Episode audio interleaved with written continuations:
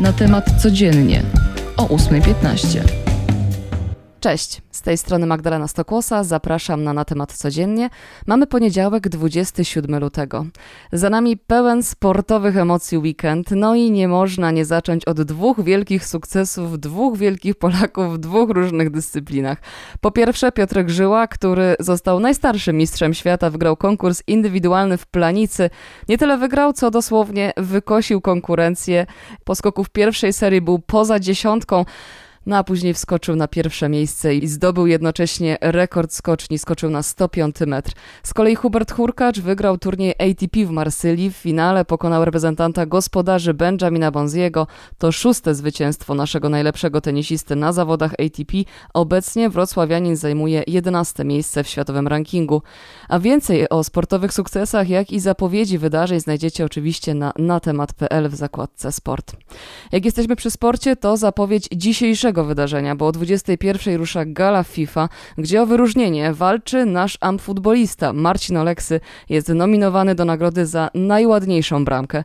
Co ciekawe, reprezentant Polski może być pierwszym amfutbolistą, który za swoje nożyce zdobędzie nagrodę imienia Puszkasza, a faworytem plebiscytu FIFA na najlepszego piłkarza 2022 roku, no bez zaskoczenia myślę jest Leo Messi. Dwie poprzednie edycje wygrał Robert Lewandowski, ale zabrakło go tym razem w finałowej trójce. Oprócz Argentyńczyka o nagrodę powalczą dwaj Francuzi, Mbappé i Benzema. Dziś w Olsztynie ma się rozpocząć proces łódzkiego adwokata Pawła K., który jest oskarżony o spowodowanie wypadku, w którym zginęły dwie kobiety. I sprawa ta nie byłaby brana przez żadne media na tapet, gdyby nie słowa mężczyzny, który zapewne wielu z Was pamięta, powiedział, że tu cytat, to była konfrontacja bezpiecznego samochodu z trumną na kółkach i między innymi dlatego te kobiety zginęły. Oskarżonemu zarzuca się, że umyślnie naruszył zasady bezpieczeństwa w ruchu lądowym, przekraczając podwójną ciągłą linię, w czego efekcie zderzył się z prawidłowo poruszającym się samochodem, w którym jechały dwie matki młodego małżeństwa. Adwokat ma odpowiadać z wolnej stopy. Dziś jeszcze jedna głośna sprawa na wokandzie, sprawa zderzenia rządowej kolumny z udziałem Beaty Szydło z kierowcą Seicento Sebastianem Kościelnikiem. Jak pamiętamy, ta sprawa odbiła się mocno, bowiem jeden z oficerów Boru mówił o tym, że funkcjonariusze kłamali w swoich zeznaniach, tak by obciążyć mężczyznę. No i dziś w końcu, po pięciu latach od zdarzenia, sąd ma wydać wyrok w tej sprawie.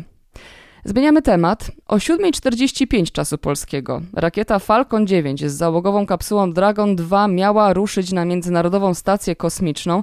No niestety, miała. Choć do końca oglądałam ten start i liczyłam na to, że wylecą, to niestety nie wylecieli. Odliczanie zostało przerwane z powodów technicznych, a konkretnie problemów z zapalnikiem. Kolejna próba zostanie podjęta jutro i zapewne również będę to dla Was śledzić. Ma to być szósta operacyjna misja załogowa SpaceX w ramach programu komercyjnych lotów załogowych NASA.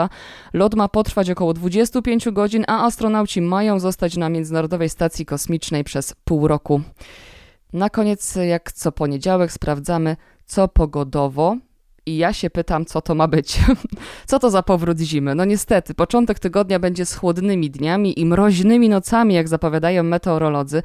Nawet dwucyfrowe mrozy w rejonach górskich i podgórskich to za sprawą wyżu, który to przyniesie nam z północy zimne arktyczne powietrze. Tak będzie do środy, ale od środy nie liczmy na znaczący wzrost temperatury.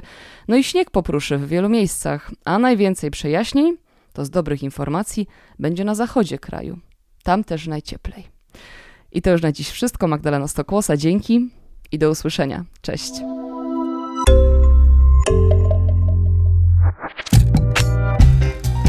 Na temat codziennie o 8.15.